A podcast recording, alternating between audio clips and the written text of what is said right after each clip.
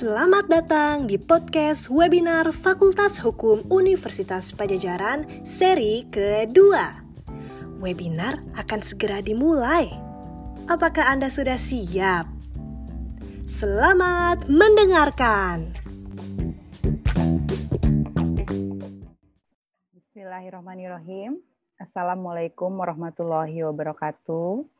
Selamat pagi, salam sejahtera untuk kita semua. Semoga pagi ini kita semua dalam keadaan sehat walafiat. Terima kasih atas kehadiran para peserta pada webinar pengabdian kepada masyarakat Fakultas Hukum Universitas Pajajaran hari ini. Perkenalkan, saya akan memandu acara webinar ini.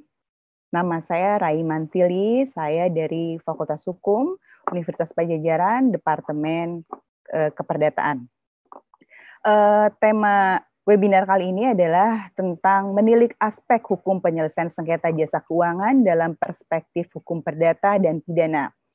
Uh, ini merupakan sesuatu yang menarik karena di dalam uh, jasa keuangan setiap masyarakat pasti pernah menjadi konsumen dari jasa keuangan. Nah, di sini kita akan melihat perspektif dari hukum perdata dan pidananya, bagaimana penyelesaiannya, dan nanti di akhir uh, webinar ini juga uh, akan ada seorang dosen yang juga menjabat sebagai Ketua Biro Bantuan Hukum di Universitas Pajajaran. Nah, sebelum kita mendengarkan paparan dari para narasumber, saya akan membacakan dulu CV dari para narasumber. Narasumber yang pertama yang akan membacakan uh, pemaparan materinya adalah Ibu Dr. Emma Rahmawati, SHMH. Ibu Dr. Emma Rahmawati, SHMH ini merupakan dosen pengajar dan peneliti di Departemen Ekonomi di Fakultas Hukum Universitas Pajajaran. Nah, sebelumnya beliau pernah menjadi corporate lawyer di Nugroho Panjaitan and Partners uh, di Jakarta. Pendidikan Ibu Dr. Emma untuk S1, S2, dan S3-nya beliau e, menempuh di Fakultas Hukum Universitas Pajajaran. Lalu untuk narasumber yang kedua, yang kita melihat dari perspektif hukum pidananya adalah Ibu Dr. Elis Rusmiati, SHMH. Beliau adalah dosen dari Departemen Hukum Pidana di Fakultas Hukum Universitas Pajajaran. Beliau mengampu mata kuliah hukum pidana, hukum agraria, eh, pidana kedokteran, hukum acara pidana, eh, kedokteran kehakiman, maaf, hukum acara pidana, hukum acara perdata, eh hukum acara eh, pidana dan delik eh, khusus ya, delik-delik khusus itu eh, di antaranya. Ibu Elis ini menyelesaikan pendidikan S1 di Fakultas Hukum Universitas Pajajaran, lalu di S2-nya di Fakultas Hukum Universitas Diponegoro, dan S3 beliau menyelesaikan di Fakultas Hukum Universitas Pajajaran. Nah, untuk uh, pembicaraan ketiga adalah Bapak Dr. Artaji. Uh, narasumber ini juga adalah Ketua Biro Bantuan Hukum Universitas Pajajaran. Bapak Dr. Artaji SHMH ini melak, uh, melaksanakan atau menyelesaikan pendidikan S1, S2, dan S3-nya di Fakultas Hukum Universitas Pajajaran dan bidang ilmu beliau adalah dalam hukum acara perdata. Uh, acara webinar ini akan berlangsung selama dua jam dari jam 9 ya hingga jam 11 waktu Indonesia Barat. Nah, para narasumber atau panelis uh, saya berikan waktu 20 menit ya, 20 sampai 25 menit Uh, untuk ketiganya ya, untuk ketiganya 20 sampai 25 menit, tidak 20 uh, jadi masing-masing 20 sampai 25 menit. Lalu para narasumber uh, setelah para narasumber atau panelis memberikan materinya, peserta dapat mem, uh, memberikan pertanyaan ya, membuat pertanyaan pada yang mengikuti lewat Zoom bisa melalui Q&A di kolom Q&A dan peserta yang melihat uh, webinar ini di YouTube live streaming uh, dapat memberikan pertanyaan pada kolom uh, chat ya. Nah, untuk pertanyaannya saya mohon agar Bapak Ibu sekalian yang bertanya menyebutkan nama dan instansi ya, asal instansinya. Nah, untuk agar tidak memperpanjang waktu karena ini adalah hari weekend ya, pasti Bapak dan Ibu juga uh, banyak yang uh, libur, tapi tidak menutup kemungkinan ya uh, ini adalah sesuatu yang bermanfaat untuk kita semua karena rata-rata kita di sini adalah masyarakat yang juga konsumen dari suatu jasa keuangan. Untuk pemaparan yang pertama, saya persilahkan kepada Ibu Dr. Emma Rahmawati SHMH untuk memberikan pemaparannya selama 20 sampai 25 menit. Silakan Ibu Dr. Emma. Selamat ya. pagi Ibu. Ya. Selamat pagi. Waalaikumsalam warahmatullahi wabarakatuh. Terima kasih Ibu moderator. Terima kasih juga semuanya untuk rekan-rekan sejawat, Bapak Ibu yang telah hadir dalam acara kesempatan pada pagi hari ini. Perkenankan saya share screen terlebih dahulu ya.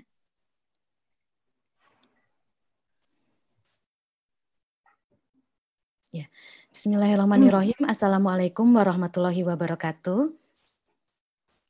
Alhamdulillah pada pagi hari ini eh, kita bisa berada dalam suatu forum yang sama, dalam suatu forum PPM, salah satu program Fakultas Hukum Universitas Pajajaran, eh, yang pada kesempatan pagi ini akan membawa suatu tema yang cukup, yang sangat menarik menurut saya, karena ini ada kaitannya mungkin dari bidang aspek akademisi, para pakar hukum maupun bagi kita semua sebagai masyarakat pengguna sektor jasa keuangan.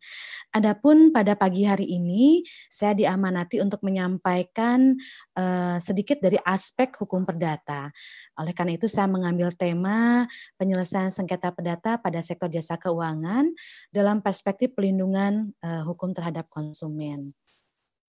Sebagaimana telah saya sampaikan tadi bahwa tujuan dari kegiatan ini adalah program PPM bagian dari Dharma dan Catu Dharma Perguruan Tinggi Fakultas Hukum Universitas Pajajaran.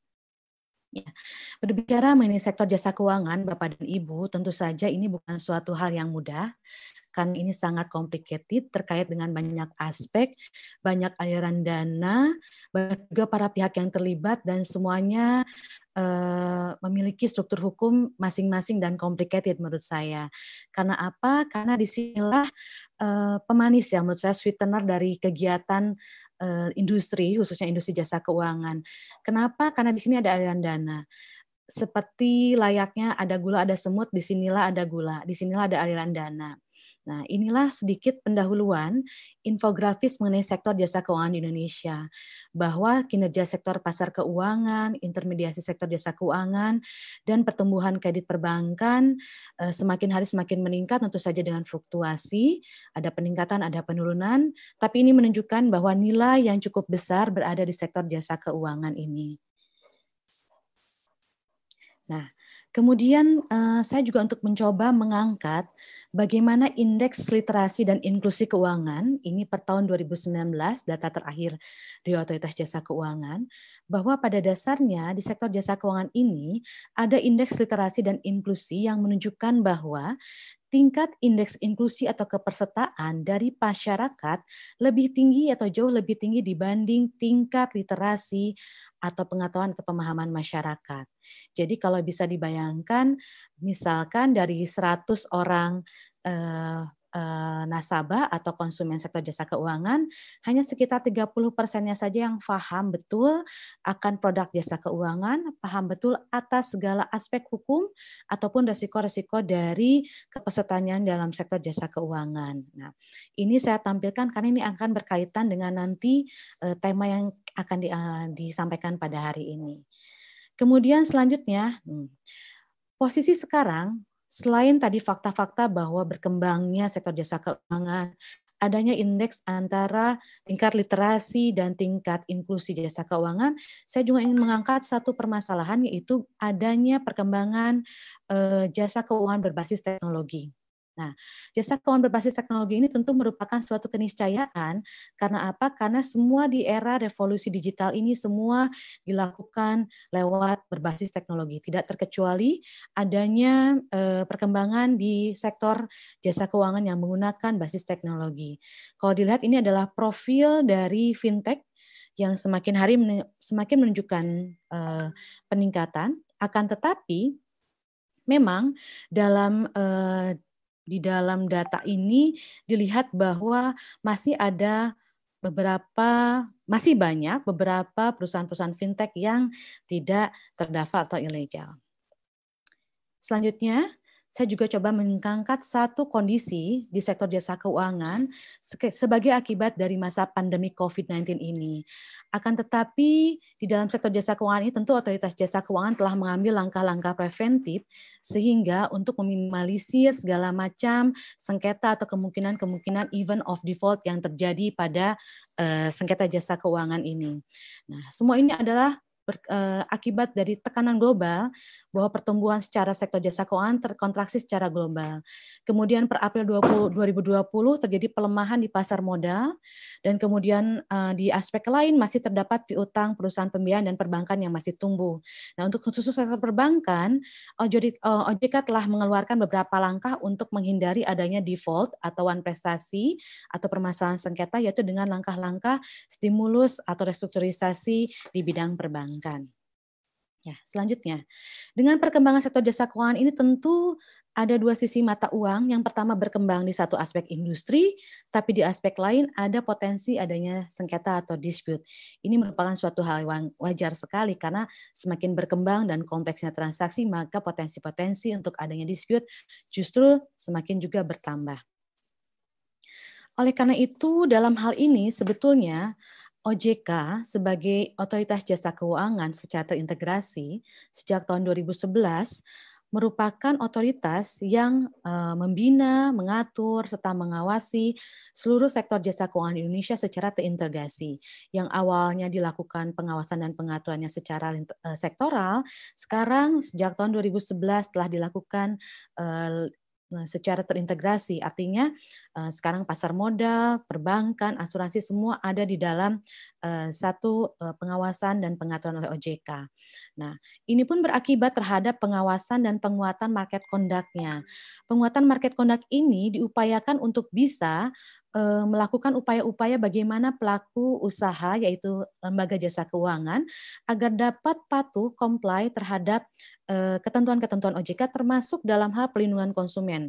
Artinya ada suatu aturan-aturan atau ala kebijakan yang mengharuskan pelaku usaha atau LJK ini melakukan tindakan seperti misalnya memberikan informasi yang tepat dan lengkap kepada konsumen jasa keuangan, kemudian misalkan memberikan pemahaman, memberikan edukasi dan lain-lain, sehingga pada akhirnya ini adalah sifat-sifat preventif untuk menghindari adanya eh, sengketa. Dan kalaupun sampai terjadi sengketa, maka ada suatu mekanisme penyelesaian sengketa yang eh, diharapkan dapat memberikan kepastian hukum. Nah, kemudian eh, ini maaf saya type O bukan SJK ya tapi LJK terjadi potensi sengketa hukum di sektor jasa keuangan. Misalkan saja antara LJK dengan LJK lagi, lembaga jasa keuangan dengan lembaga jasa keuangan lagi, lembaga jasa keuangan dengan konsumen, lembaga jasa keuangan dengan otoritas atau SRO, ataupun lembaga jasa keuangan dengan pihak-pihak lainnya. Nah, fokus pembahasan pada pagi hari ini, sebagaimana telah saya sampaikan, bahwa walaupun dari banyaknya aspek hukum yang ada di sektor jasa keuangan terkait dengan sengketa, saya mencoba untuk memfokuskan pembahasan pada perlindungan konsumen lembaga jasa keuangan. Mengapa? Karena seperti yang disampaikan oleh Ibu Moderator, bahwa jumlah eh, pengguna jasa keuangan mungkin eh, 10 banding 9. Di antara kita semua pernah saya yakin menggunakan fasilitas atau jasa dari lembaga jasa keuangan. Minimal menyimpan eh, dana di bank ataupun menggunakan jasa eh, jasa asuransi dan lain-lain. Nah, di sini hubungan hukumnya tentu yang mendasarinya adalah hubungan hukum perjanjian antara lembaga jasa keuangan eh, dengan eh, konsumennya. Idealnya memang harusnya ada keseimbangan antara posisi kedudukan LJK dengan eh, konsumen sebagai suatu eh, perjanjian yang memadai. Tapi pada kenyataannya tidak seideal itu. Kenyataannya memang ada beberapa beberapa posisi yang lebih didominasi oleh LJK dibanding oleh konsumennya sendiri. Misalkan pelaku usaha memang secara nature-nya lebih well informed dan punya power yang lebih tinggi dibandingkan konsumen. Kemudian banyaknya standar-standar kontrak yang eh, disediakan oleh LJK sehingga konsumen rata-rata hanya menandatangani saja tanpa membaca dengan baik, tanpa mendapatkan informasi dengan memadai. Nah, untuk menyikapi hal tersebut, sebetulnya ada kebijakan-kebijakan dari uh, otoritas jasa keuangan yang berupa langkah-langkah preventif maupun langkah-langkah represif. Nah, untuk langkah-langkah preventif ini ada regulasi-regulasi yang diterapkan yang pada dasarnya adalah memberikan pelindungan dan keamanan dan kepercayaan kepada untuk menumbuhkan kepercayaan pada masyarakat investor ataupun masyarakat pengguna uh, jasa keuangan. Hal ini tentu penting karena apabila masyarakat kepercayaan kepada uh, sektor industri jasa keuangan maka dapat dipastikan akan melemah atau matinya industri jasa keuangan. Nah, untuk piramida yang tengah dan atas itu adalah langkah-langkah eh, represif yang disediakan atau diatur oleh otoritas jasa keuangan berupa internal dispute resolution dan external dispute resolution. Nanti saya akan jelaskan di pemaparan-pemaparan selanjutnya. Baiklah, untuk selanjutnya, nah, dalam rangka untuk mengimplementasikan konsep-konsep atau kebijakan tersebut, maka ada beberapa peraturan yang dikeluarkan oleh OJK, di antaranya adalah Peraturan OJK nomor 1 2013 ini tentang perlindungan konsumen jasa keuangan, juga POJK nomor 1 2014 dan POJK 18 tahun 2018 yang intinya adalah mengenai 1 2014 tentang lembaga uh, penyelesaian sengketa alternatif penyelesaian sengketa dan di POJK 18 2018 adalah tentang eh, layanan pengaduan konsumen eh, sektor jasa keuangan. Nah, ini di antaranya adalah perangkat-perangkat hukum yang digunakan hingga saat ini untuk menangani sengketa jasa keuangan khusus untuk konsumen. Ya. Di sini dapat kita lihat bahwa karakteristik sengketa di sektor jasa keuangan itu mungkin sedikit berbeda di sektor lain. Di sini sektor jasa keuangan itu dikenal cepat, dinamis, dan inovatif, baik dari produk, transaksi, maupun uh, instrumennya. Sehingga diperlukan suatu prosedur juga yang cepat, biaya murah, dan hasilnya ini bisa relevan dalam mendukung sektor jasa keuangan dengan karakteristik tadi.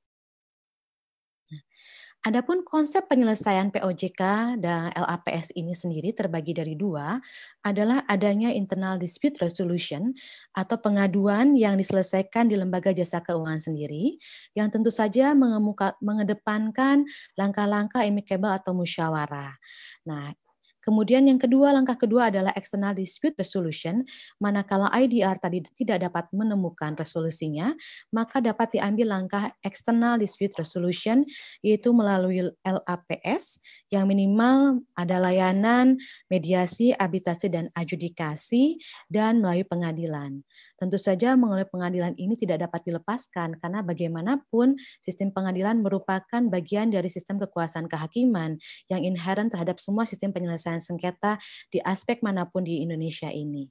Nah, kemudian dalam konsep LAPS IDR dan EDR ini ada in between, yaitu adalah fasilitasi oleh OJK. OJK dengan fungsinya melakukan pembelaan hukum terhadap konsumen, maka dia bisa masuk dalam hal memfasilitasi penyelesaian sengketa di sektor jasa keuangan. Baik, selanjutnya mungkin saya uh, agak sedikit cepat karena ternyata 20 menit itu sebentar sekali ya untuk berbicara.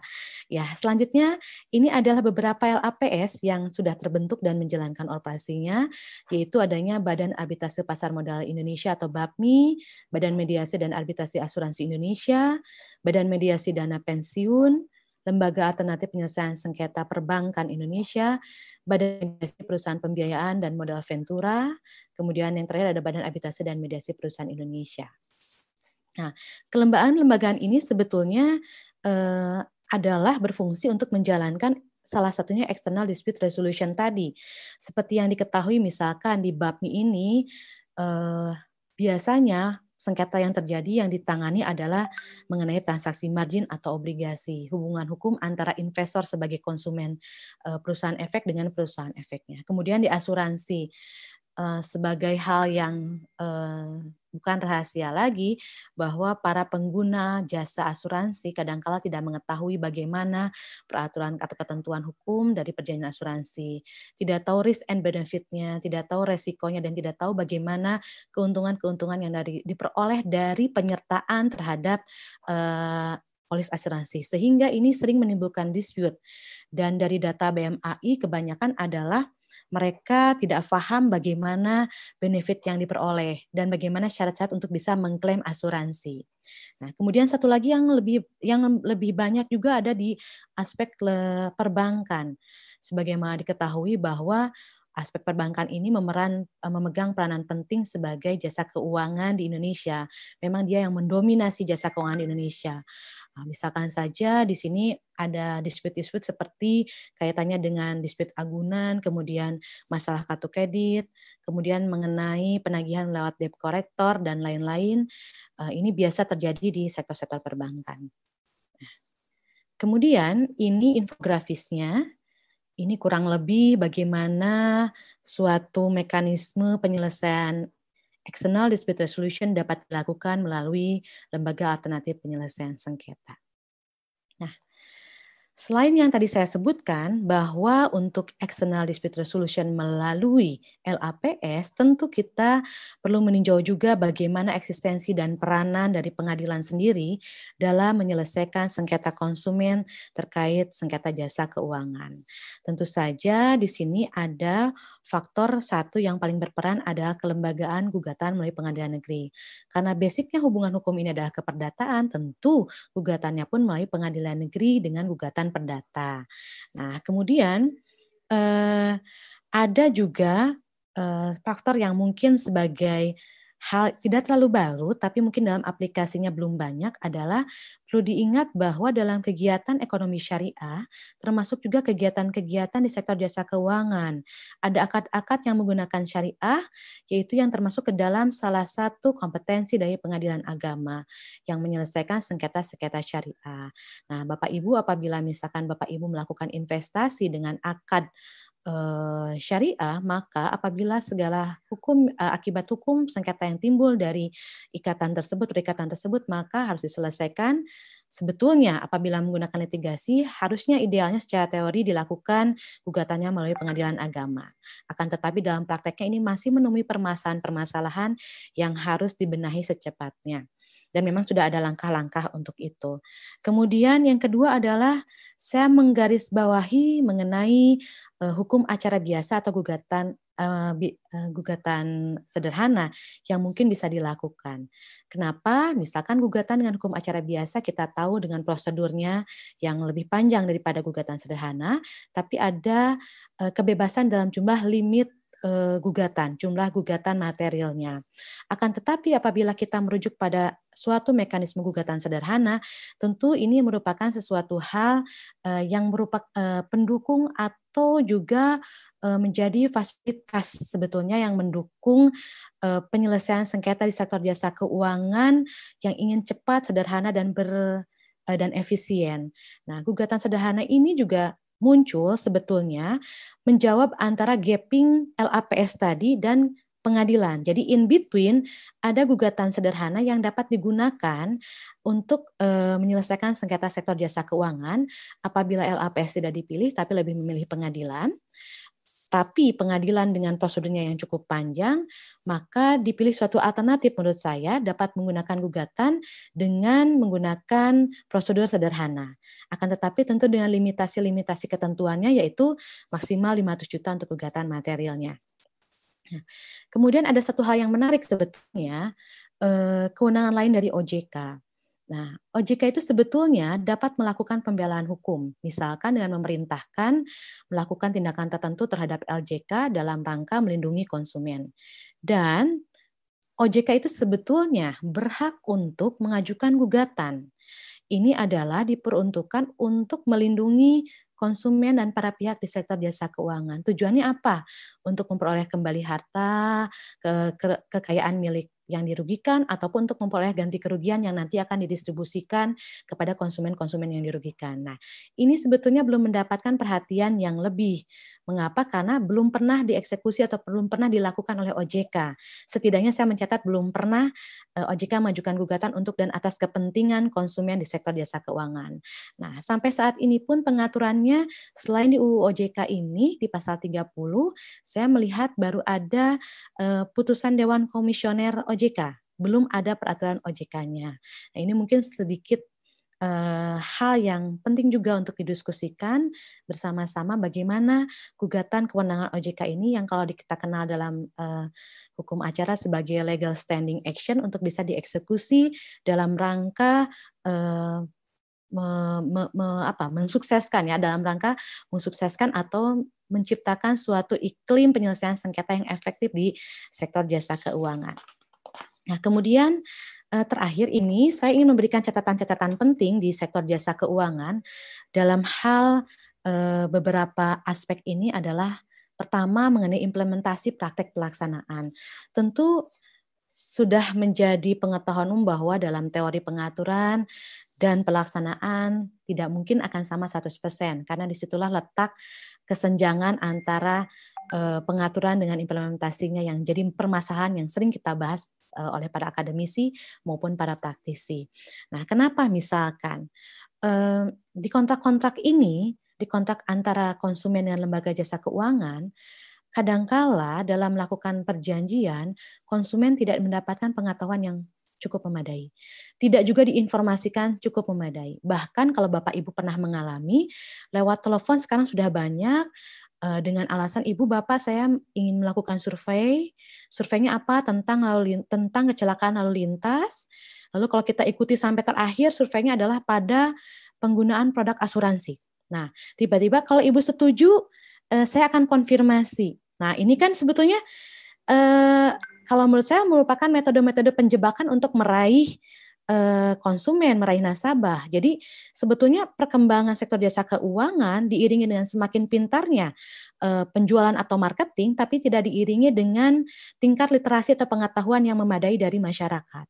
Nah itu. Kemudian sekarang juga berkembang fintech ada SMS SMS misalkan pinjaman mudah atau apa bagi orang-orang tertentu yang belum paham aspek hukumnya mungkin akan langsung bisa tergiur langsung bisa uh, menjadi nasabahnya tanpa mengetahui apakah sudah tercatat atau belum tercatat sebagai fintech legal di OJK. Nah, itu permasalahan-permasalahan mungkin nanti pembicara ketiga Bapak Dr. Artaji akan memaparkan bagaimana praktiknya, kemudian bagaimana peranan dari bantuan hukum untuk konsumen-konsumen di sektor jasa keuangan yang bermasalah ini. Nah, kemudian uh, yang selanjutnya ada aksesibilitas LAPS ya. LAPS ini masih disayangkan hingga saat ini masih berada di Jakarta. Jadi belum banyak sehingga untuk daerah lain mungkin belum bisa memanfaatkan secara maksimal uh, lembaga alternatif penyelesaian sengketa ini. Nah, ini ada kaitannya dengan BPSK eksistensi BPSK yang sampai saat ini masih ada dan ada di setiap uh, kota kabupaten. Nah, mungkin bagi masyarakat lebih mudah untuk mengakses BPSK dibanding untuk mengakses LAPS yang hanya ada di kota di ibu kota. Nah, inilah yang menimbulkan dualisme dalam praktiknya. Apakah uh, memang uh, apa usaha untuk OJK mengemuka mengedepankan LAPS ini sudah maksimal sementara masih ada BPSK yang lebih mudah diakses untuk masyarakat umum di setiap daerah. Ini yang menjadi pertanyaan juga sebetulnya permasalahan. Kemudian yang selanjutnya ada konsep mengintegrasikan sektor jasa keuangan. Jadi ada uh, roadmap dari otoritas jasa keuangan yang akan menggabungkan semua LAPS tadi menjadi satu lembaga dalam rangka efisiensi dan efektivitas sehingga nanti BAPMI, eh, LAPSPI, BMAI semua akan bergabung dalam satu LAPS di bawah di bawah pengawasan OJK. Nah, ini termasuk di sengketa fintech. Nah, pada saat ini sepemahaman spesifik penyelesaian sengketa eh, nasabah eh, financial technology atau fintech. Kemudian selanjutnya ada juga catatan pasar modal karena dengan karakteristik khusus ini pasar modal uh, perlu mendapatkan perhatian yang khusus karena ada sedikit perbedaan transaksi antara di pasar modal dengan sektor jasa keuangan lainnya. Nah, di pasar modal ini juga ada muncul uh, gagasan otoritas jasa keuangan untuk mengatur mengenai disgorgement dan disgorgement fund.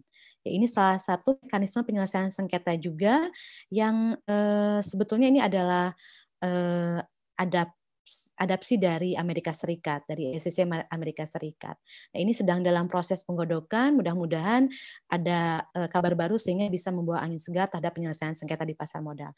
Yang selanjutnya adalah uh, mengenai uh, ya tadi sengketa fintech dan peranan pengadilan. Nah, saya pikir dengan peranan pengadilan ini yang saya sampaikan tadi ada intermediary atau ada penghubung antara kebutuhan akan LAPS dengan kebutuhan pengadilan bisa terjawab menurut saya dengan adanya uh, gugatan dengan prosedur sederhana tadi ya.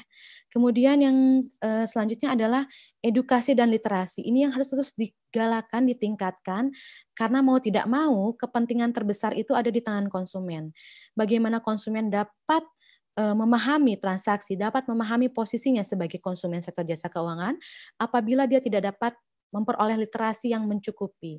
Ini yang terus diedukasi, terus ditingkatkan khususnya oleh OJK sehingga untuk memberikan pelindungan terhadap konsumen dalam, dari aspek preventifnya tadi. Kemudian yang selanjutnya adalah pengembangan online dispute resolution. Tentu ini suatu keniscayaan manakala uh, eh, OJK sudah mencanangkan bahwa pada saat ini uh, semua transaksi, semua sektor jasa keuangan di industri ini akan terdigitalisasi sesuai dengan roadmap-nya tentu harus dibarengi juga dengan fasilitas-fasilitas terdigitalisasi yaitu salah satunya dengan online dispute resolution. Jadi diharapkan ke depannya OJK ataupun LLPS dapat eh, menyediakan sarana online dispute resolution bagi mereka-mereka yang eh, bermaksud untuk menyelesaikan sengketanya di sektor jasa keuangan. Mungkin itu saja dari saya. Mudah-mudahan sedikitnya dapat bermanfaat, eh, terbuka untuk masukan dan pertanyaan, dan selanjutnya akan dilengkapi oleh pembicara-pembicara lainnya, Bapak dan Ibu yang saya hormati, Bapak Dr. Artaji dan Bapak eh, dan Ibu Elis. Mangga silakan kepada Ibu moderator dikembalikan. Ya, terima kasih Ibu Dr. Emma. Menarik sekali pemaparannya ya. Tadi Ibu Emma memaparkan mengenai badan dan lembaga-lembaga penyelesaian sengketa konsumen jasa keuangan ya. Ada beberapa macam. Nah, eh, tadi Bu Emma eh, memaparkan dari perspektif hukum perdata. Maka eh, sekarang untuk panelis atau narasumber yang kedua, Ibu Dr. Elis, saya persilahkan untuk memaparkan dari perspektif hukum pidana. Mangga Ibu. Assalamualaikum warahmatullahi wabarakatuh. Salam. Terima kasih Ibu Moderator. Pertama-tama saya sampaikan ucapan terima kasih kepada Ibu Dekan Fakultas Hukum UNPAD yang telah memberikan kesempatan di dalam acara webinar ini serta jajarannya tentunya. Kemudian juga saya ingin menyampaikan terima kasih kepada Profesor Dr. Eva yang memang eh, kaitannya dengan acara webinar program pengabdian pada masyarakat ini sebetulnya dimaksudkan sebagai salah satu sarana atau media dalam rangka melakukan pengabdian masyarakat yang berkaitan dengan penelitian yang memang sedang kita lakukan, uh, di mana ketua penelitinya adalah Profesor Dr. Eva beserta uh, tim peneliti yang lain. Uh, terima kasih juga Bapak Ibu yang telah bergabung di dalam acara kegiatan ini. Eh, dan tadi sudah disampaikan oleh pembicara pertama yang panjang dan jelas gitu ya runtut sekali bagaimana aspek perdata yang memang terjadi dan bagaimana uh, bagaimana uh, proses tentang hal-hal yang berkaitan dengan jasa keuangan ini ya. Uh, maka sebentar saya mau share screen dulu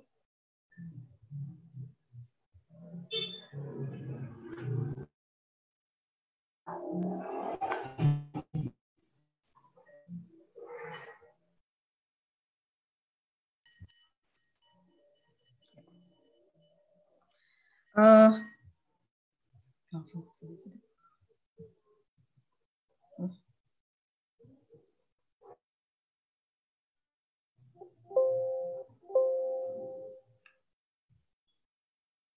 Jadi kita bicara tadi tentang bagaimana proses penyelesaian uh, dalam hal sektor jasa keuangan yang tadi sudah disebutkan bahwa sektor jasa keuangan ini adalah sektor yang paling mendapat perhatian karena sekian banyak uh, manusia sangat punya kepentingan dengan sektor jasa keuangan ya.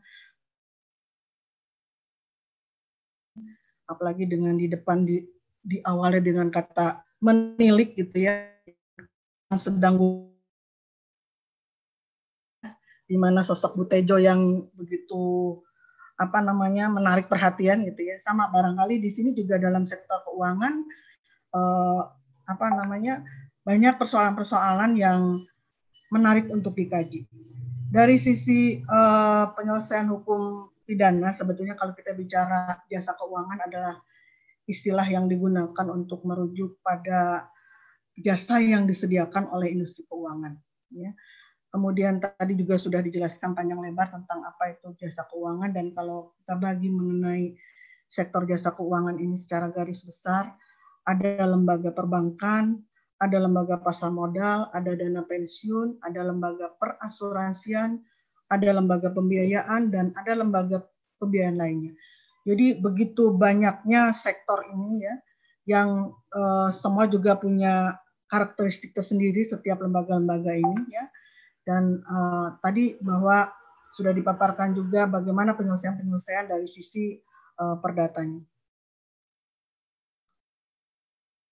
Yang uh, perlu diperhatikan juga bahwa sekarang dengan uh, telah diberlakukannya Undang-Undang Nomor 21 Tahun 2012 ini ada uh, berkaitan dengan adanya satu lembaga khusus ya lembaga yang independen yaitu lembaga uh, otoritas desa keuangan yang mengkoordinir tidak lagi terpisah-pisah pengawasan terhadap misalnya pasar modal, pengawasan terhadap asuransi dan sebagainya semua ter, terkoordinasi dalam satu wadah yang namanya OJK.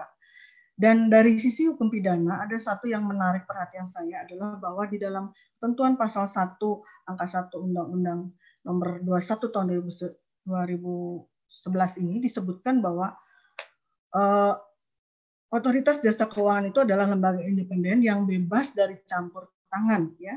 Dan di sana dicampur tangan pihak lain yang mempunyai fungsi, tugas dan wewenang pengaturan ya dalam hal pengawasan, pengaturan, pengawasan, pemeriksaan dan penyidikan. Nah, ini ada di sini sudah disebutkan bahwa bukan hanya uh, uh, OJK itu melakukan upaya-upaya preventif, tapi juga ada upaya represif yang uh, diberikan dengan adanya kewenangan di bidang penyidikan. Ya, ini berarti sudah sangat lengkap sebetulnya di dalam satu lembaga yang namanya Otoritas Jasa Keuangan. Di dalam melakukan uh, OJK dilakukan, uh, melaksanakan tugas pengaturan dan pengawasan. Ini ada kegiatan di bidang jasa keuangan di sektor perbankan tentunya di sektor pasar modal, kemudian di dan di kegiatan jasa keuangan di sektor perasuransian, dana pensiun dan sebagainya. Kemudian dalam melakukan tugas pengawasan juga OJK mempunyai kewenangan uh, yang penting adalah melakukan kebijakan operasional pengawasan terhadap kegiatan jasa keuangan. Kemudian yang ingin saya garis bawahi juga adalah di dalam rangka pengawasan ini adalah ada beberapa uh, melakukan penyidikan ya, penyidikan dalam uh, kaitannya dengan kegiatan jasa keuangan. Jadi uh, tugas OJK yang lebih spesifik dalam uh, yang kaitannya dengan dari segi aspek pidana adalah bahwa OJK diberikan kewenangan untuk melakukan di dalam rangka pengawasannya adalah uh, kegiatan yang disebut dengan proses penyidikan.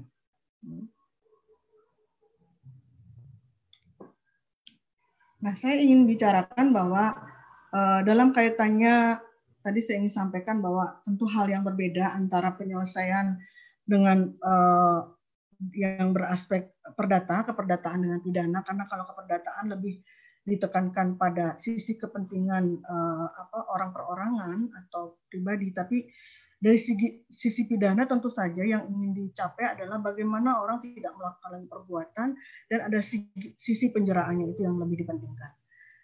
OJK sebagai penyidik dalam tindak pidana di sektor jasa keuangan di dalam pasal 49 Undang-Undang OJK itu disebutkan bahwa uh, selain selain pejabat penyidik kepolisian ada pejabat pegawai negeri sipil tertentu yang lingkup tugas dan tanggung jawabnya meliputi pengawasan di sektor jasa keuangan ya dan diberi wewenang khusus sebagai penyidik ya. Ini ada kewenangan yang khusus uh, sebagaimana diatur di dalam uh, Kitab Undang-Undang Hukum acara pidana. Ya.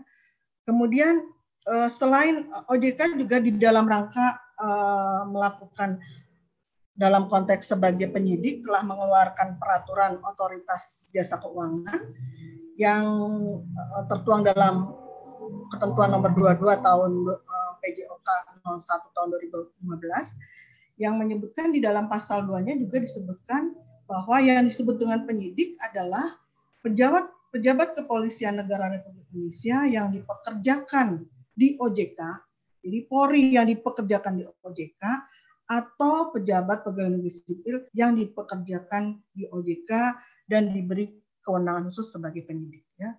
Jadi kalau dilihat ini sudah uh, dalam rangka pengaturan, pengawasan dan uh, penindakan ini sebetulnya OJK sudah mengeluarkan peraturan yang memang secara khusus mengatur tentang proses penyidikan dalam penyelesaian sengketa jasa keuangan.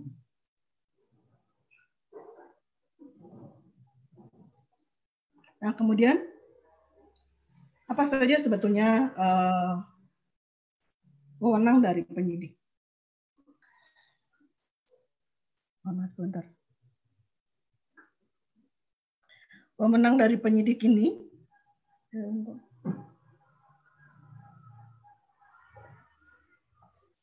yang pertama adalah menerima laporan, kemudian pemberitahuan atau pengaduan ya, kemudian melakukan penelitian tentang uh, laporan itu apakah benar atau tidak terjadinya tindak pidana yang berkaitan dengan uh, sumber jasa keuangan ya.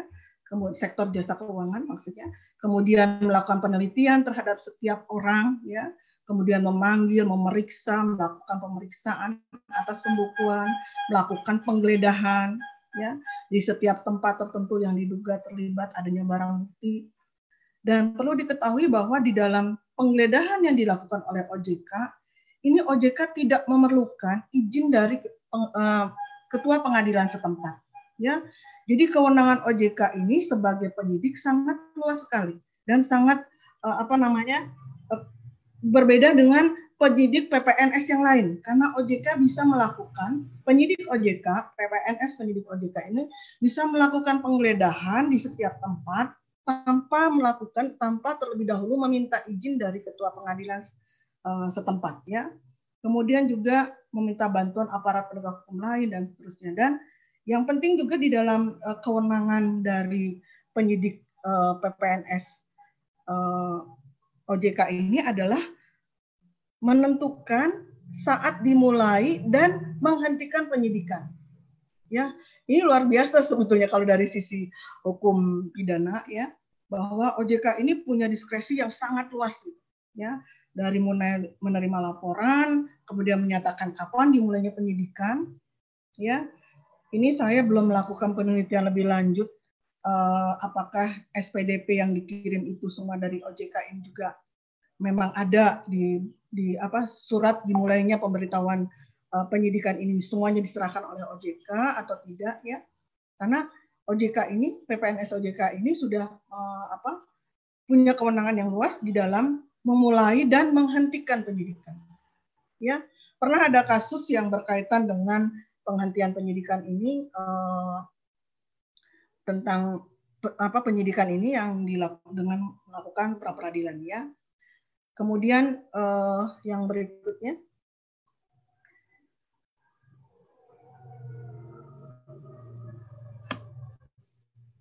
Nah, di dalam uh, penyidikan tindak pidana uh, sektor jasa keuangan ini, kalau dilihat ada beberapa tahapan sebetulnya ada beberapa proses. Yang pertama, penyidik ini melakukan seperti halnya dalam proses hukum acara pidana adalah melakukan penyelidikan. Jadi mencari, mengumpulkan, mengolah data atau keterangan-keterangan lain, melakukan pemeriksaan juga yang uh, membuktikan apakah ada indikasi ada tidaknya suatu tindak pidana yang ada di dalam sektor jasa keuangan ya. Jadi kalau di dalam proses penyidikan ini ada proses yang boleh dikatakan sebagai penyelidikannya lah ya. Nah, kemudian Eh, penyidik juga, penyidik PPNS dalam tindak pidana sektor jasa keuangan ini dapat meminta keterangan, ya, dapat meminta keterangan dari para saksi yang uh, terlibat di dalam uh, apa perkara tersebut sampai dengan akhirnya menetapkan siapa tersangkanya, ya. Jadi ini uh, saya belum melihat secara apa melakukan penelitian secara khusus sebetulnya apakah uh, apa penyidik-penyidik PPNS di OJK ini memang sudah selain ya selain yang dari Polri juga memang sudah dibekali uh, prinsip-prinsip penyidikan yang memang uh, apa namanya uh, kewenangannya dari penyidik Polri. Ya. Jadi karena bisa mencari keterangan sampai menetapkan tersangka. Ya. Kemudian juga yang berikutnya adalah mengenai penggeledahan dan penyitaan. Ya, ini juga sama. Ya, penggeledahan dan penyitaan bahwa eh, OJK, penyidik PPNS OJK ini dapat melakukan penggeledahan di setiap tempat tertentu yang diduga terdapat adanya barang bukti ya melakukan pencatatan ya kemudian melakukan penyitaan nah ini penyitaan juga tidak tidak tidak di dalam aturan eh, di dalam ketentuan undang-undangnya tidak menyebutkan bahwa melakukan penyitaan itu harus atas izin ketua pengadilan tinggi setempat juga tidak ada ya jadi kalau saya gambarkan ini luar biasa gitu kewenangan dari penyidik uh, di dalam OJK ini di dalam uh, sektor jasa keuangan ya. Kemudian eh, kegiatan penyidikan yang berikutnya adalah penyidik bisa langsung melimpahkan perkara ke dalam kalau memang sudah lengkap dan menurut penyidik sudah lengkap disertai bukti-bukti dan keterangan saksi langsung diserah melimpahkan ke jaksa penuntut umum kepada penuntut umum ya ini juga tidak ada di dalam ketentuan-ketentuan yang umum bahwa Eh, PPNS itu ketika akan melimpahkan perkara harus melalui Polri dulu sebagai uh, apa institusi yang berwenang melimpahkan perkara. Tapi kalau dalam OJK ini bisa langsung melimpahkan perkara uh, yang hasil proses penyelidikan penyidikannya kepada penuntut umum ya. Jadi kalau digambarkan dari uh, skema yang saya buat ini bagaimana proses penyidikan yang dilakukan oleh PPNS OJK yang tadi bersama-sama dengan Polri tersebut mempunyai kewenangan yang sangat luas sekali. Ya, bahkan di dalam hal melimpahkan perkara pun tidak perlu mer, uh, apa melalui ya harusnya kalau PNS itu yang yang boleh melimpahkan perkara kan Polri atau uh, kalau tindak pidana khusus adalah uh, jaksa penuntut umum misalnya ya tapi ini bisa langsung diserahkan oleh penyidik kepada penuntut umum. Nah, saya ingin ceritakan bahwa berbicara tentang tindak pidana yang berkaitan dengan sektor jasa keuangan. Kalau tadi pembicara uh, Bu Emma sudah menjelaskan banyak sekali aspeknya gitu ya, segala macam sama di dalam hukum pidana juga kalau kita lihat bahwa uh, apa modus atau tindak pidana yang berkaitan dengan uh, sektor jasa keuangan ini berbagai macam ya. Tadi karena lembaga atau jasa keuangan sendiri juga ada beberapa macam gitu ya. Dan tapi kalau di di di apa namanya di kita klasifikasikan sumber tindak pidana itu. Yang pada akhirnya kalau akhirnya diproses dalam hukum pidana itu adalah ada yang e, menyangkut ketentuan dalam KUHP misalnya penipuan, penggelapan atau bisa juga tindak pidana yang berkaitan dengan sektor jasa keuangan ini itu berkaitan dengan tindak pidana korupsi atau tindak pidana pencucian uang atau tindak pidana perbankan ya dan di dalam atau di dalam undang-undang uh, otoritas jasa, uh, jasa keuangan ini sendiri ada tindak pidana di sektor jasa keuangan yang memang sudah ditetapkan sebagai perbuatan dan diancam dengan pidana ya itu bisa dilihat di dalam butir satu uh, pasal satu butir dua undang-undang nomor 22 uh, apa Peraturan Jasa, Jasa Keuangan Nomor 22 Tahun 2015 ya. Jadi tindak pidana yang berkaitan dengan sektor jasa keuangan ini kalau diklasifikasikan bisa ke dalam tiga uh, klasifikasi tadi. Tentu dengan berbagai modusnya.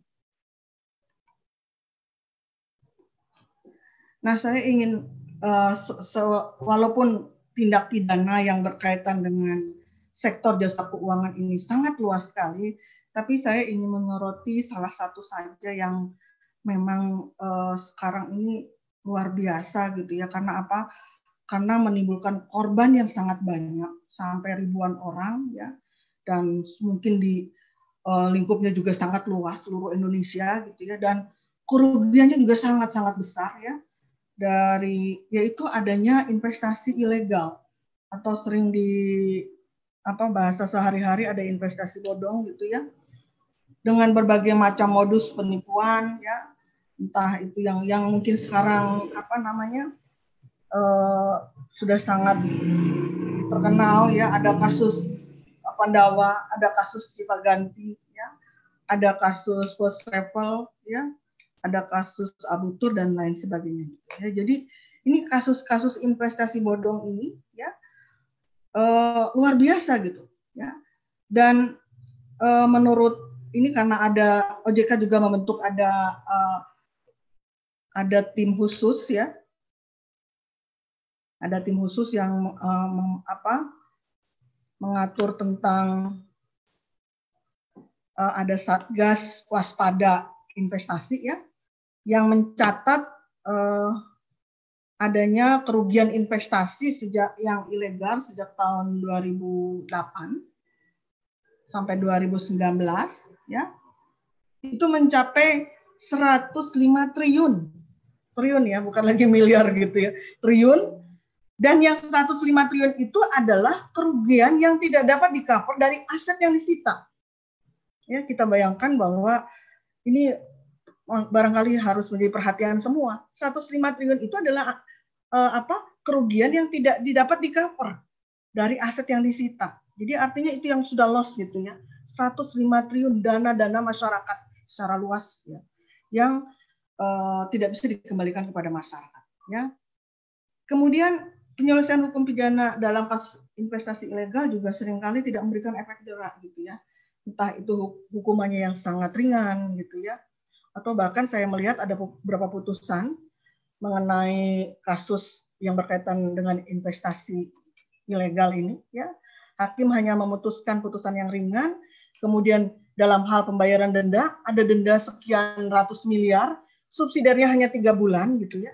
Jadi orang didenda sekian banyak, kalau dia tidak memba bisa membayar denda, ada saya kalau tidak saya lihat ada di kasus Cipaganti, Pendawa juga, itu hanya disubsidi beberapa bulan saja. Ya tentu saja orang akan memilih subsidi badannya daripada membayar dendanya gitu ya.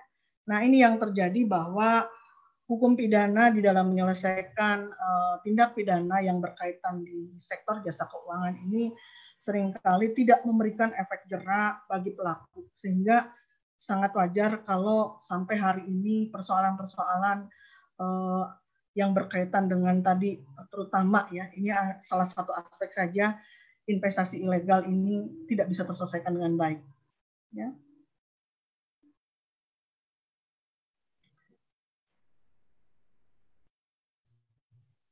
Jadi kalau kita bicara juga tentang pemeriksaan dalam proses uh, tindak pidana yang berkaitan dengan sektor jasa keuangan, kita bisa bicara ada beberapa tahap sebetulnya. Ada tahap pemeriksaan pendahuluan tadi sudah disampaikan ya. Dalam uh, tahap pemeriksaan pendahuluan ada berbagai persoalan misalnya di dalam hal melakukan penyitaan ya. Karena sering kali penyitaan itu dilakukan bukan hanya penyitaan terhadap memang jelas barangnya milik siapa, disita dan uh, kemudian dijadikan sebagai barang bukti di dalam uh, proses pidana tapi sering kali barang itu berupa aset-aset dari perusahaan tertentu dan aset itu ternyata juga merupakan bundel kepahilitan. Itu jadi persoalan. Ya. Jadi ketika masuk dilakukan pada proses pemeriksaan pendahuluan, ini ada ada barang dalam bentuk aset ya yang dijadikan sebagai bukti pemeriksaan, tapi di sisi lain adalah merupakan bundel kepahilitan. Itu juga sering menjadi persoalan di dalam pelaksanaan pemeriksaan perkara. Kemudian uh, pada proses penuntutan itu di dalam undang-undang uh, peraturan uh, jasa keuangan ini menyebutkan bahwa penuntutan ini dibatasi 90 hari ya. Jadi jaksa mempunyai waktu 90 hari sejak menerima berkas perkara dari penyidik dia harus memproses apakah dan sampai dengan nanti dia bisa membuat surat dakwaan ya itu batas waktunya 90 hari. Sementara kita tahu bahwa bayangkan waktu 90 hari itu termasuk di dalamnya untuk terus mengumpulkan barang-barang bukti atau mencari aset-aset ya yang memang uh, di, bisa dijadikan sebagai uh, apa namanya dasar tentang terjadinya tindak pidana ya itulah yang mungkin ini suatu uh, harus dilakukan penelitian lebih lanjut sebetulnya apakah memang cukup waktu 90 hari itu apakah sehingga kekhawatirannya akhirnya tidak maksimal gitu ya. Jadi asetnya itu hanya yang yang bisa ter, yang bisa terkumpul saja ya, padahal kerugian di luar itu banyak sehingga tadi kemungkinan yang uh, apa kerugian masyarakat itu bisa uh, jadi hilang di dalam karena memang uh, tidak bisa terkumpul di dalam uh, pengumpulan aset sebagai barang bukti. Nah, kemudian dalam proses persidangan ini juga harus uh, saya ingin dapat perhatian bahwa pada proses persidangan uh, nanti pada proses pembuktian dan sebagainya ini jadi persoalan bagaimana karena uh, banyak bahwa penipuan itu sebetulnya bukan hanya melibatkan seorang dua orang saja tapi bagaimana tindak pidana yang berkaitan dengan sektor jasa keuangan ini sering kali berakibat terhadap korban yang sekian banyak gitu. Ya, apakah prinsip class action bisa diterapkan di dalam proses persidangan pidana misalnya? Ya, ini juga jadi persoalan karena ternyata uh, yang sudah terjadi hanya beberapa orang saja yang mengajukan, mengadukan, diproses. Persoalannya apakah nanti ya sampai dengan kalau sudah sampai putusan hakim hakim itu juga harus memutus tentang barang bukti yang dikenakan pada waktu barang itu disita sebagai barang uh, dalam proses pemeriksaan perkara ya karena nanti di dalam putusan itu harus mencantumkan kepada siapa barang bukti itu diserahkan ini juga jadi persoalan gitu ya sehingga kita lihat ada kasus uh, travel barang bukti itu karena susah sulit siapa sebenarnya yang yang yang memang diserahkan pada siapa akhirnya dirampas oleh negara. Padahal jelas sebenarnya ada ada korban, ada masyarakat yang dirugikan. Ya, tapi juga ada kasus di sisi lain ada kasus Abu Tur yang eh, hakim menjatuhkan putusan bahwa barang bukti itu diserahkan pada kurator. Nah, jadi di dalam penegakan hukum sendiri hakim masih mempunyai eh, perbedaan-perbedaan tentang pengembalian barang bukti. Karena memang dalam dalam hukum pidana tidak uh, hakim pidana itu tidak menentukan tentang status kepemilikan terhadap barang bukti tersebut ya. Jadi artinya bahwa barang itu di, dikembalikan pada dari siapa barang itu disita. Tapi kalau barang itu sudah berupa aset itu jadi persoalan sebetulnya. Ya. Kemudian yang terakhir tahapan terakhir adalah proses pelaksanaan putusan. Ini juga menjadi persoalan ya.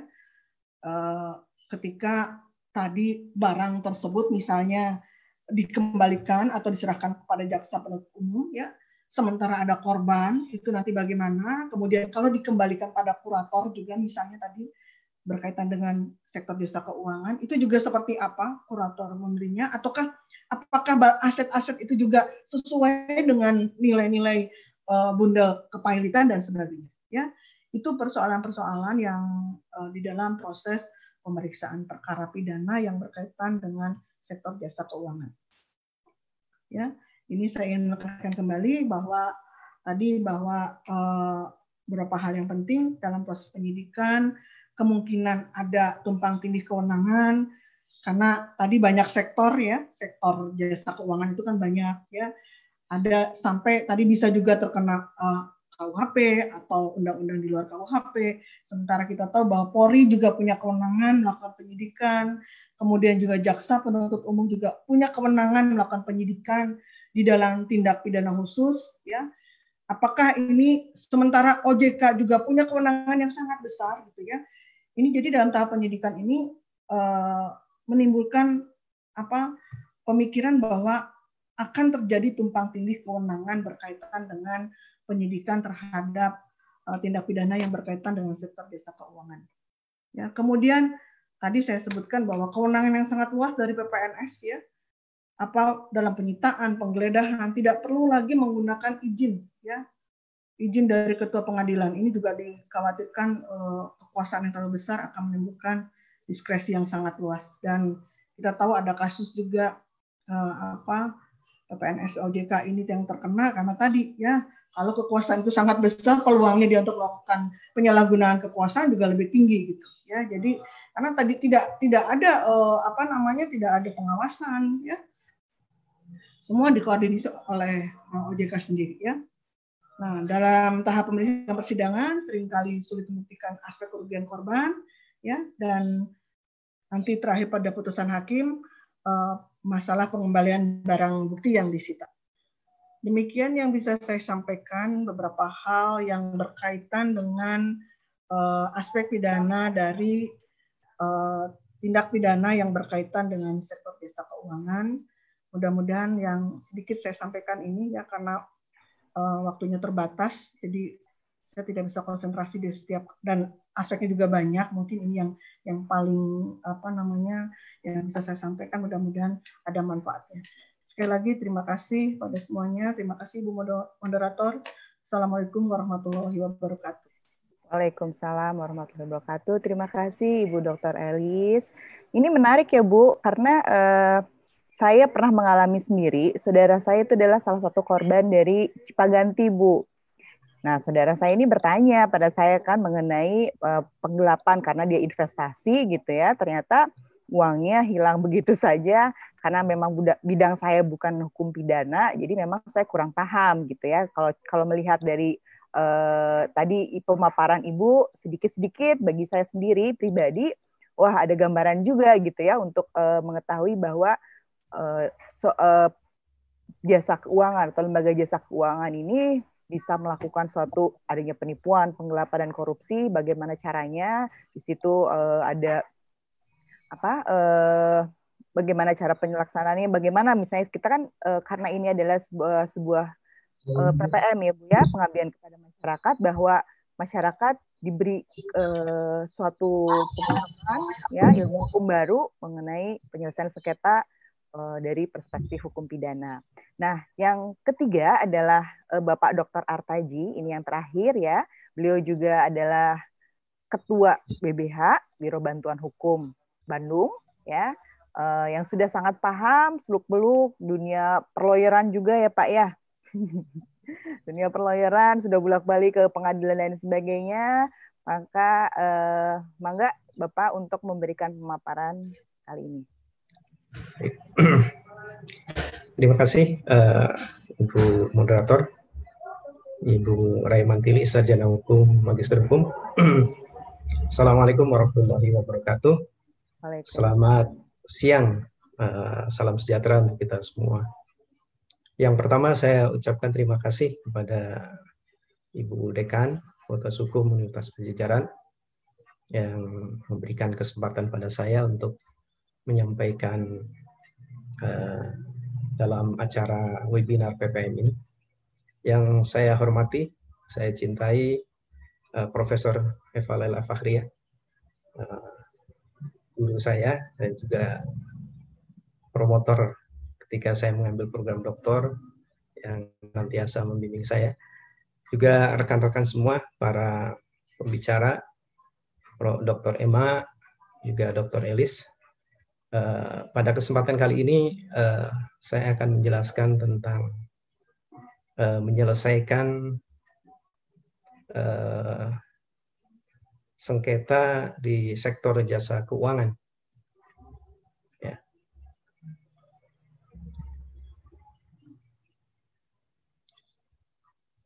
Untuk uh, penyelesaian di sektor jasa keuangan ini uh, sangat menarik tadi yang disampaikan oleh uh, para pembicara sebelumnya bahwa uh, ada bermacam-macam jenis untuk menyelesaikan ini. Dan pada sektor jasa keuangan ini ternyata juga uh, tidak baik-baik saja gitu ada banyak persoalan di sektor jasa keuangan ini. Mohon slide-nya dilanjut. Uh, sebagaimana disampaikan oleh uh, komisioner ya eh, OJK bahwa di tahun 2019 itu ternyata juga banyak kasus ter terkait dengan jasa keuangan ini. Sampai ada 22 penyidikan yang dilakukan oleh OJK terhadap persoalan-persoalan tentang jasa keuangan ini.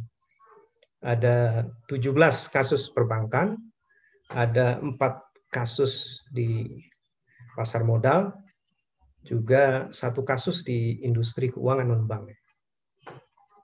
Ini uh, disampaikan pada saat pertemuan dengan DPR eh, Komisi Keuangan Selanjutnya yang bikin heboh kita di sektor jasa keuangan ini baru-baru ini ramai dibicarakan di berbagai media yaitu seperti kasus Jiwasraya ya dan juga Asabri. Nah ini uh, menunjukkan bahwa di sektor jasa keuangan ini masih terdapat eh, persoalan-persoalan uh, yang terjadi. Mangga dilanjut. uh, dan ini beberapa penegakan yang sudah dilakukan oleh OJK bahwa sudah ada 36 manajer investasi yang uh, dikenai sanksi ya. Dan juga ada tiga akutan publik ini termasuk uh, cukup banyak ya berarti. Dan juga pembekuan tiga surat tanda terdaftar akuntan juga menjatuhkan sanksi denda sebanyak 43 kali dengan nilai 11,74 eh, miliar ya. Dan juga untuk uh, industri keuangan non bank uh, penegakan hukum telah dilakukan uh, dengan sanksi denda sebanyak 164 kegiatan usaha. Pembatasan 37 kegiatan usaha serta uh, dilakukan pencabutan izin 31 kegiatan usaha. Ini uh, menunjukkan eh, persoalan-persoalan. Namun uh, fokus saya adalah mengenai penyelesaiannya. Ya. Untuk penyelesaian di sektor jasa keuangan ini, di dalam praktik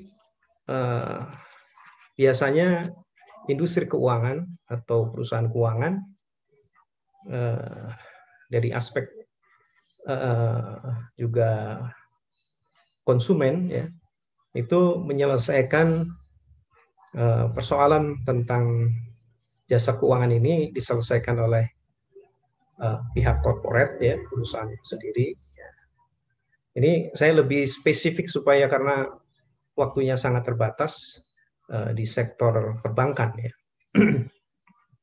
uh, bank ketika ada uh, persoalan tentang kredit macet ya, yang dialami, maka dia punya beberapa pilihan sesungguhnya, yaitu diselesaikan oleh sendiri ya, oleh internal bank, gitu ya.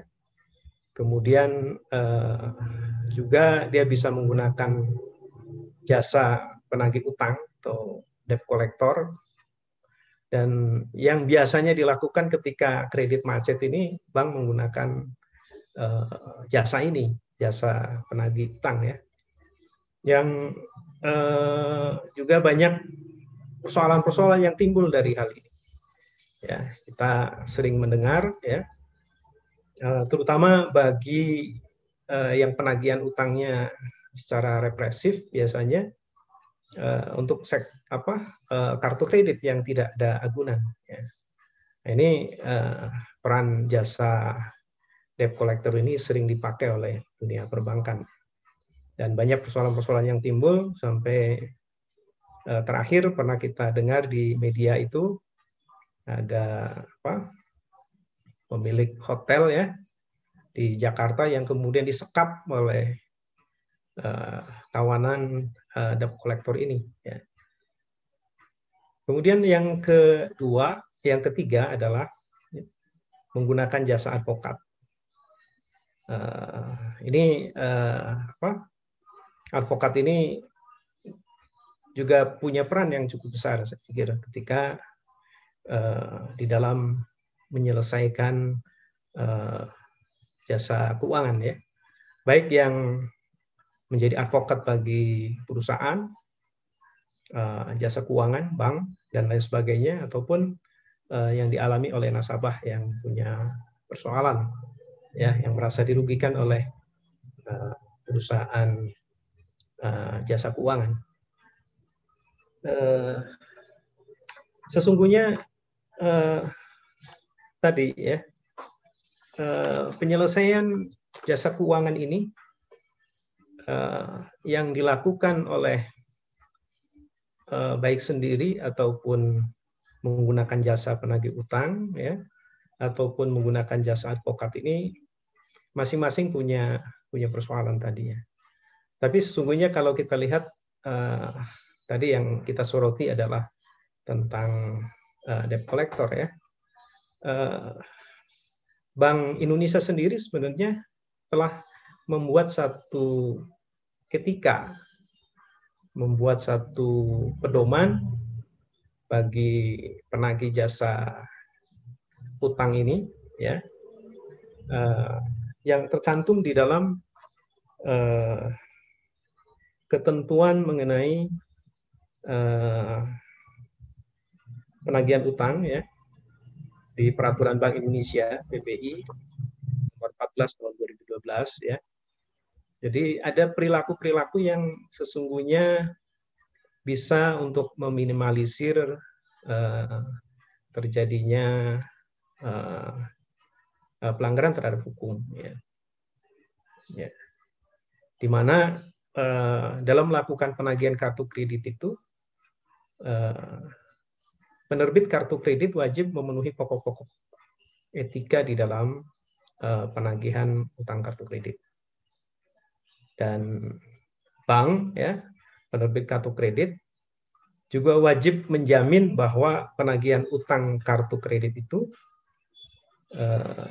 baik yang dilakukan oleh sendiri oleh bank itu sendiri ataupun penyedia jasa penagihan debt collector itu harus sesuai dengan ketentuan Bank Indonesia di dalam PBI nomor 14 tahun 2012 ini. Ya, antara lain eh, beberapa etika dari debt collector itu adalah bahwa lanjut seorang penagih utang eh, kredit macet dia harus melengkapi dirinya dengan kartu kredit eh, dengan apa?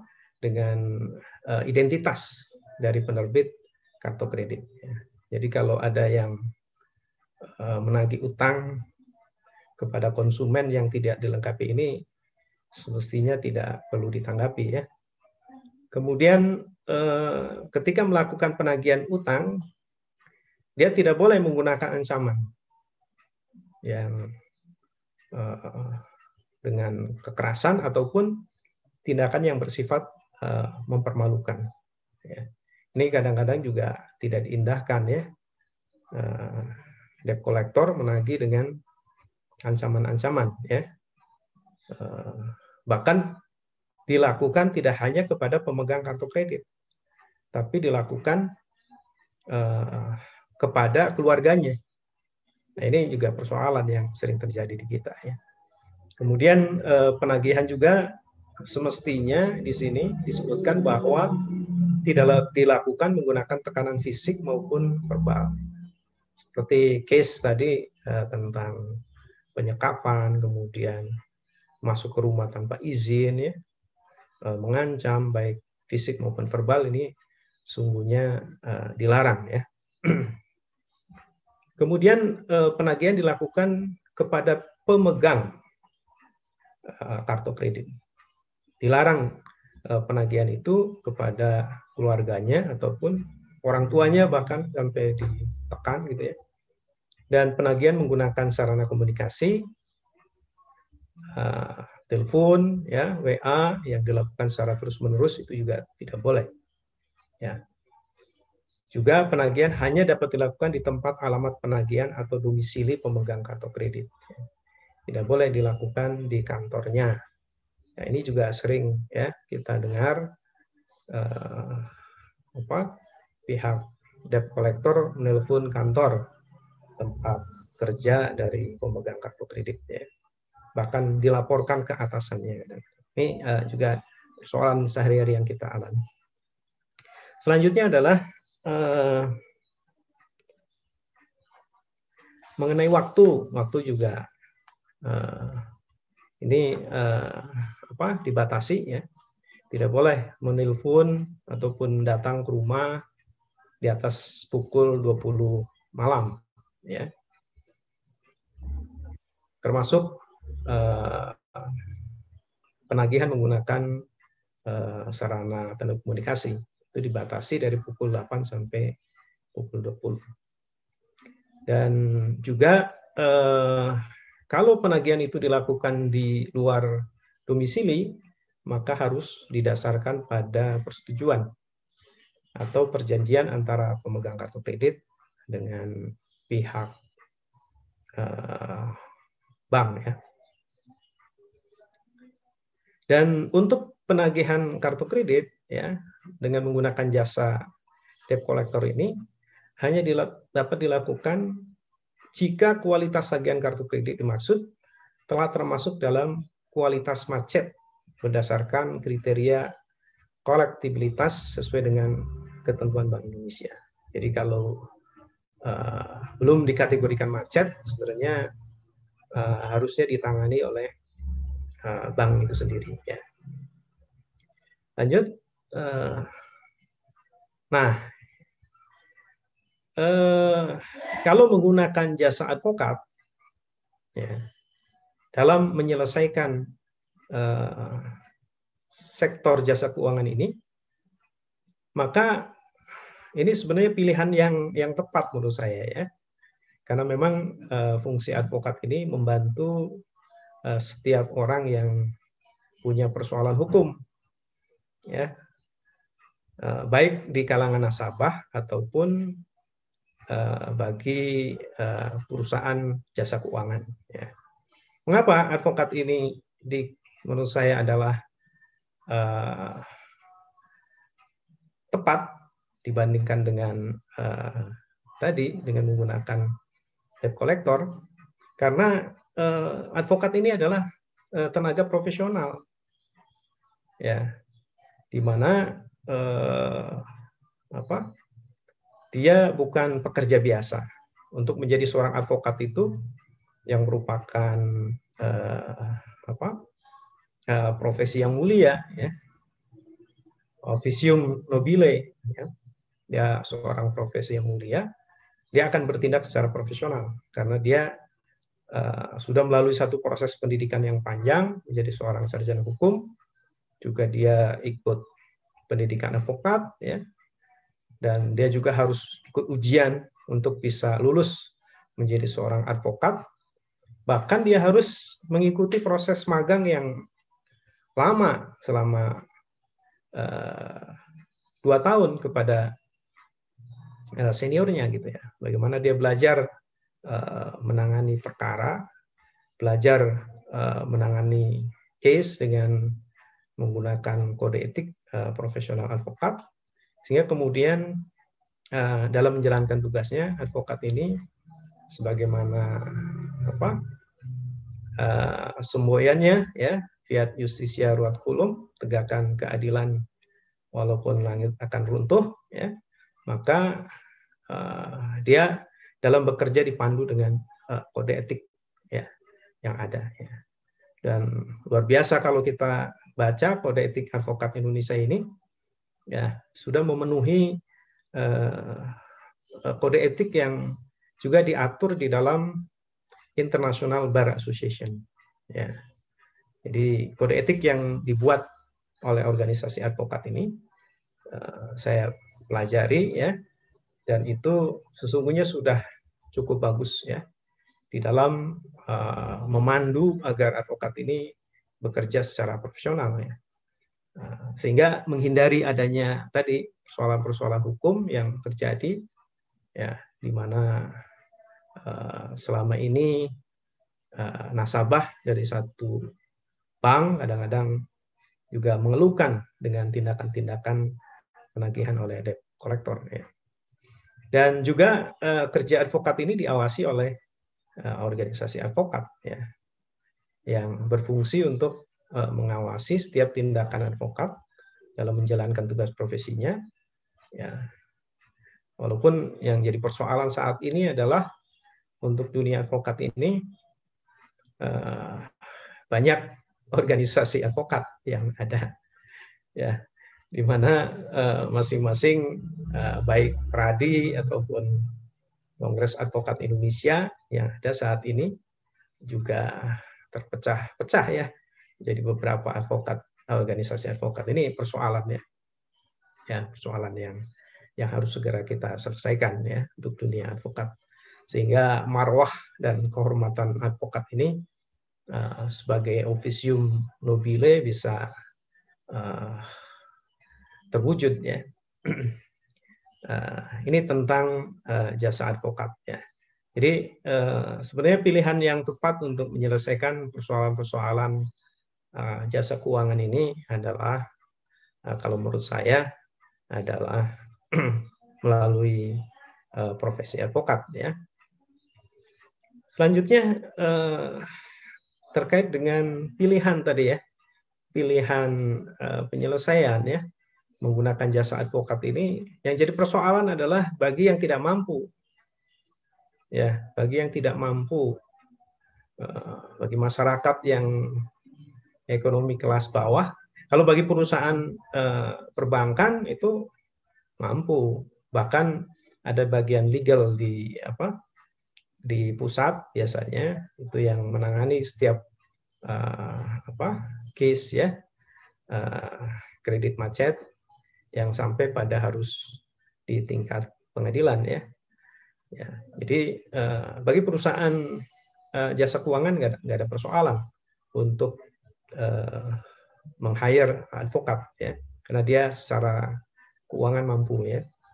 Namun bagi nasabah atau orang-orang yang tidak mampu, sesungguhnya uh, sudah ada Undang-Undang Nomor 16 tahun 2011 sudah lama ini ya, sudah uh, 9 tahun ya, itu memberikan uh, jaminan bagi uh, nasabah yang tidak mampu untuk mendapatkan bantuan hukum. Ya, bantuan hukum cuma-cuma ya. Ini sudah diatur di dalam Undang-Undang Nomor 16 Tahun 2011 ya. Dan melalui eh, BPHN ya dan kemudian penyalurannya dana-dana bantuan hukum ini melalui Kanwil Kementerian Hukum dan HAM ya. Tapi uh, organisasi yang memberikan bantuan hukum ini harus uh, terakreditasi ya, terakreditasi oleh Kementerian Hukum dan HAM sehingga kemudian dia berhak mendapatkan dana dari pemerintah untuk memberikan bantuan hukum pada pencari keadilan. Jadi uh, apa? Bagi nasabah yang yang punya persoalan dengan jasa keuangan ini sungguhnya dia bisa minta bantuan ya. Eh, bantuan hukum cuma-cuma tapi dia harus kategorinya sebagai uh, apa orang miskin ya. Saya kebetulan terlibat di dalam penyusunan undang-undang bantuan hukum ini dengan uh, bergabung dengan beberapa LSM ya mengawal uh, munculnya undang-undang bantuan hukum ini dan awalnya memang kita dorong agar bantuan hukum ini tidak hanya untuk orang miskin, tapi untuk orang-orang yang termarginalisasi. Ya. Nah, tapi kemudian pada akhirnya uh, bantuan hukum ini hanya untuk orang yang kategori miskin, uh, pendekatan secara ekonomis. Ini uh, bisa kita lakukan. Berikutnya adalah tentang Eh, model penyelesaian tadi sudah secara panjang lebar disampaikan oleh uh, Ibu Dr. Emma tentang uh, penyelesaian uh, sektor jasa keuangan ini yang uh, dilakukan ada mekanisme di internal masing-masing uh, perusahaan jasa keuangan ya atas keluhan-keluhan ataupun persoalan-persoalan yang dialami oleh nasabah, oleh konsumen ya.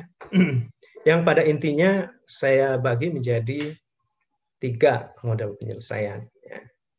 Ada alternatif penyelesaian sengketa, non litigasi, ya, atau ini juga dikenal dengan uh, ADR, ya, alternative dispute resolution. Jadi uh, lawyer ya atau advokat ketika kemudian uh, menangani kasus uh, nasabah ya ini bisa menempuh jalur ini ya.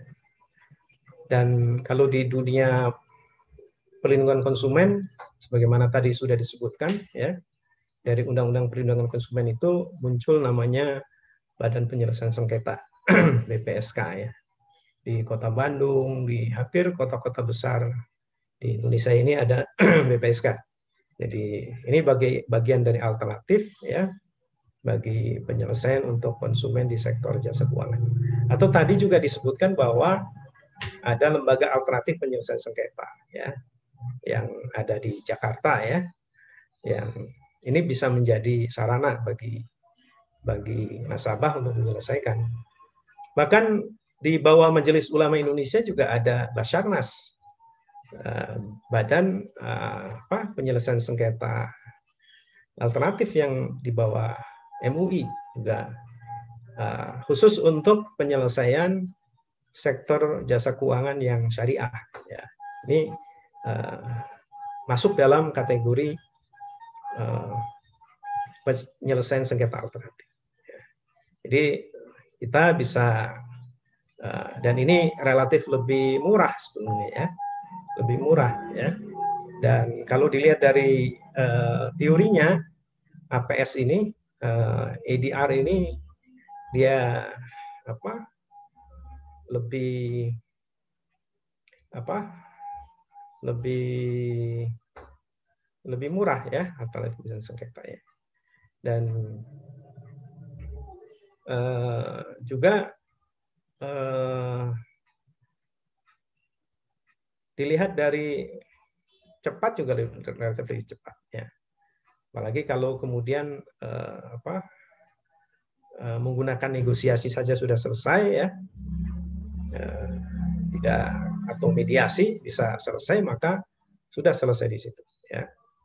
Nah yang kedua ini uh, apa tadi ya ada beberapa lembaga arbitrase ya yang dibentuk tadi ya seperti uh, apa uh, di bidang konsumen ada saya sebutkan tadi ada BPSK kemudian Majelis Ulama itu masuk dalam kategori uh, arbitrase ya. Kemudian uh, kalau menempuh uh, jalur litigasi pun sekarang sudah ada sarananya, ya. Sudah ada sarananya, ya melalui uh, kalau nilainya uh, sampai dengan 500 juta itu bisa penyelesaian melalui uh, pengadilan uh, cara sederhana ya. Jadi bisa dengan pembuktian yang sangat sederhana, bisa cepat ya, dan upaya hukumnya dalam bentuk keberatan nanti kalau tidak puas terhadap upaya pengadilan ini. Ini menjadi sarana-sarana untuk penyelesaian. Ya. Jadi eh, beberapa lembaga keuangan perbankan ya ini sudah mulai menggunakan eh, jalur pengadilan. Ya, jalur pengadilan melalui litigasi dengan penyelesaian secara sederhana. Ya. Jadi tidak mengajukan gugatan uh, biasa, tetapi ini ya. Dan dari 200 juta dulu ya, sekarang uh, dengan apa perubahan uh, peraturan Mahkamah Agung tentang uh, pengadilan sederhana ini nomor 4 tahun 2019 itu dari 200 juta dinaikkan menjadi 500 juta. Ini juga dari masukan-masukan uh, di kalangan perbankan ya, sehingga uh, yang 400 juta kredit macetnya ataupun yang sampai 500 itu penyelesaiannya bisa dilakukan di uh, pengadilan uh, sederhana ya.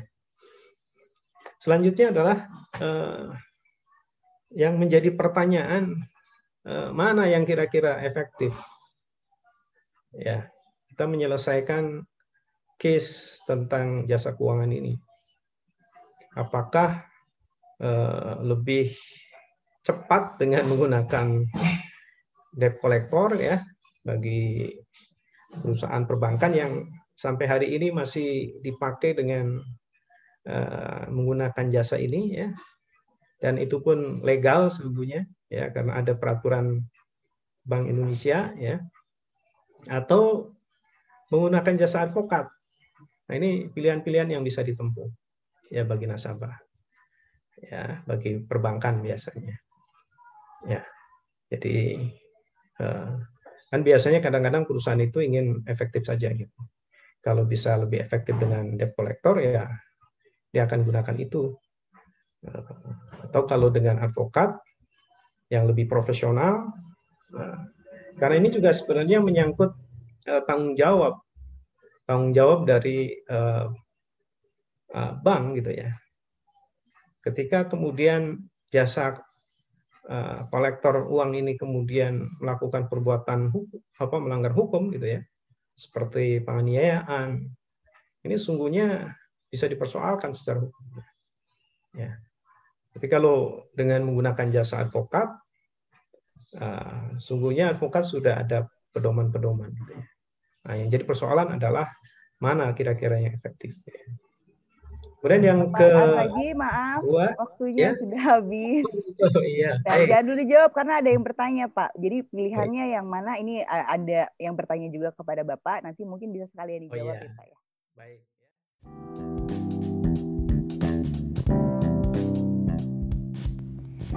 Terima kasih telah mendengarkan podcast ini. Sampai jumpa di episode berikutnya.